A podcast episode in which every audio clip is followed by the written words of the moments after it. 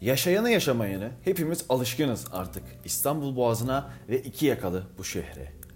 Muhtemelen İstanbul henüz bu yapısına sahip değilken iki ayrı yakadan oluşan ve yine günümüz İstanbul gibi üç tane köprüyle birbirine bağlanan bir kente gideceğiz bu podcast'te.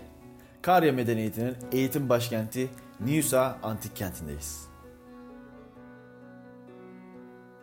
Aydın Denizli otoyolunda onlarca yıldır gördüğüm bir kahverengi tabelaydı Niusa.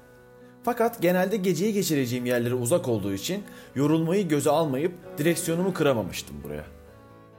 Pandemi döneminin içimi en bunalttığı, tam psikolojimi bozacak kıvama geldiği günlerde anlık bir kararla İstanbul'dan yola çıkıp Aydın'a gittim. Nüsa, antik kenti ve çevre kentleri görmeye. Mezopotamya'dan başlayıp İç Anadolu'ya gelen, oradan da Nüsa antik kentinin yanından geçip Tralleys'e giden önemli ticaret yolunun yanında yer alıyor Nüsa. Dionysos'un çocukluğunu geçirdiği, ünlü coğrafyacı Strabon'un da eğitimini burada aldığı bir kentin elbet bana da katacağı bir şeyler vardır diye düşündüm. Kente ilk girdiğimizde bizleri büyük bir kemer parçası karşılıyor. Bu kemer parçası nereye ait olduğu kesin değil ama üzerinde düşününce köprülerden birinden kopan devasa bir parça olabileceği aklıma geliyor. Şehri ikiye bölen vadinin yanına geldiğimde peşimden koşan bir adam görüyorum. Bu adamın kim olduğunu düşünüp aklıma bin bir türlü kötü şey geleceği sırada uzaktan müze kart, müze kart diye bağırışını duyup rahatlıyorum. Koşarak müze kart istemek de her zaman göreceğiz bir şey olmasa gerek. Müze kartımı gösterdikten sonra şehrin derinliklerine girmeye başlıyorum. Önce devasa tiyatrosu bizlere gel gel diyor ve hemen oraya doğru yürümeye başlıyorum. 12 bin kişilik tiyatro alışılan yarım daire formunu 12 derece aşan bir şekildeydi. Sikene denilen sahne yapısı da çok katlı sütunlu bir yapı olarak yapılmıştı. Belki de araştırmacılar tiyatroya dair bir eser bulamamış olsalardı sadece Sikene'yi bulduktan sonra buraya bir tapınaktı diyebilirlerdi. İşte o kadar etkileyiciydi. Tiyatrodan çıktıktan sonra gözüme aşağıdaki vadide birkaç oturma yeri çarpıyor. İçimden acaba burada da tiyatro mu vardı sorusunu geçirip yürümeye devam ediyorum. Bu tiyatro, e, Nürsa tiyatrosu tam şehrin ortasına yapılmış diyebiliriz. Muhtemelen vadideki su doğu tarafındaki nehirden gelip tiyatronun altından geçip vadiye akıyordu. Önce şehrin doğu tarafına gitmeye karar verdim. Bu karar mini bir tepe çıkmamı gerektirdiği için verilmesi zor bir karardı. Nusa'nın doğu yakasına geçtiğimde Roma Hamamı, Forum, Baulaterion ve Agora'yı görmeyi umut ediyordum. Aydın'ın 43 dereceyi gösteren sıcaklığında çalılıkların arasından yürürken Agora'yı görüyorum. Agora doğu batı yönünde 113,5 metre, kuzey güney yönünde 130 metrelik bir alan kapsıyordu. Her tarafında portik sütunlar bulunan bu pazar yeri geç Helenistik dönemde yapılmıştı. Yani önce 50 gibi. Çeşitli amaçlar içinde Bizans dönemine kadar kullanıldı. Agora'nın hemen yanında Baulatrion denen meclis binasını görüyoruz.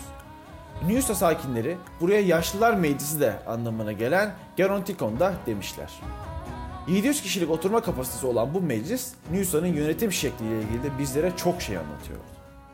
Kapısının çıkışında bazı büyük hükümdarların büstlerinin bulunduğu bir alan ile birlikte şehrin etkileyici kısımlarından biri olmuş. Şehrin en taze mekanına gidiyoruz şimdi. Forumun içinde ismine Sütunlu Cadde denilen bu caddenin kazılarına 2013'te başlamış. Günümüze gelindiğinde ise neredeyse tamamen ortaya çıkarılmış bu caddenin devamı insanı oldukça meraklandırıyor. Benim fazlasıyla etkileyen bu caddenin fotoğraflarını görmek için Instagram'da kahverengi tabela pot hesabına da bakabilirsiniz. Şehrin doğu yakasında gezilebilecek her yeri gezdikten sonra batı yakasına gitmeye karar vermiştim. Batı yakasına geçerken fotoğrafını çektiğim şehir planına bakıyordum. Bir de ne göreyim? Meğerse gezimin en başında tiyatronun altında görüp de şaşırdığım oturaklar şehrin stadyumu olan stadyona aitmiş. Vadinin topografyasına uygun yapılan bu yapı diğer gördüklerinden oldukça farklıydı. Başka kentlerde yapıyı yapmak için önce temel yapılır ve üzerine yükseklik çıkarılarak devasa yapılar oluşturulurdu. Fakat Nusa'da hiç böyle olmamıştı. Zaten doğal şeklini bir stadyuma benzediğini düşünen mimarlar arazinin üzerine oturak olacak taşları yerleştirip ekstra maliyet, ekstra zaman ve zor hesaplar yapmaktan kurtulmuşlardı. Bu kesinlikle dünya mimarlık fikrini ileri götürmüş bir fikirdi ve hayranlıkla karşıladı. Şehrin batı yakasında da kütüphane, Heron Tapınağı, çeşme ve dükkan yapıları vardı. Tiyatronun hemen yanındaki merdivenden çıkarak başlıyorum bu küçük tepeyi de tırmanmaya. Öncelikle yolum kütüphaneye düşüyor. Kütüphane yapısı Newson'un belki de bu kadar ileri gitmesinin nedeniydi. Milattan sonra 130 yılında inşa edilen kütüphane yapısı farklı amaçlar için de kullanılmış. Ünlü coğrafyacı Strabo'nun da eğitimini uzun bir süre bu kütüphanede aldığı da söylenir. Bu yapının kütüphane olduğu nasıl anlaşıldığı sorusu aklınıza gelecektir. Strabo'nun Nüso'ya eğitim için geldiği kendi yazılarından okuyoruz. Kütüphane ve işlemlerinden de kendisi bahsetmiş zaten. Ayrıca yapının mimarisi incelendiğinde arşiv odaları, toplantı odaları ve mahkeme salonlarının varlığı da göze çarpıyor ki o dönemki kütüphanenin kullanım amaçları arasında bunlar da var. Milattan sonra 9. yüzyılda ise kütüphane mezarlık olarak kullanılmaya başlıyor. O döneme ait bulunan mezarlar ise Aydın Arkeoloji Müzesi'nde sergileniyor. Nüs Antik Kenti, milattan önce 3. yüzyılda kurulmasına rağmen milattan sonra 12. yüzyıla kadar yaşam devam etmiş. Uzun ömrünün sebebi olarak da korunaklı konumu gösterilebilir. Ortasından geçen küçük boğazı ile yaşaması da keyifli bir yer olsa gerek. Bizleri hangi platformdan dinliyorsanız oradan abone olabilir. Instagram'dan da kahverengi tabela pod hesabını takip edebilirsiniz. Görüş ve önerilerinizi de bizlere buralardan iletebilirsiniz. Sağlıcakla kalın efendim.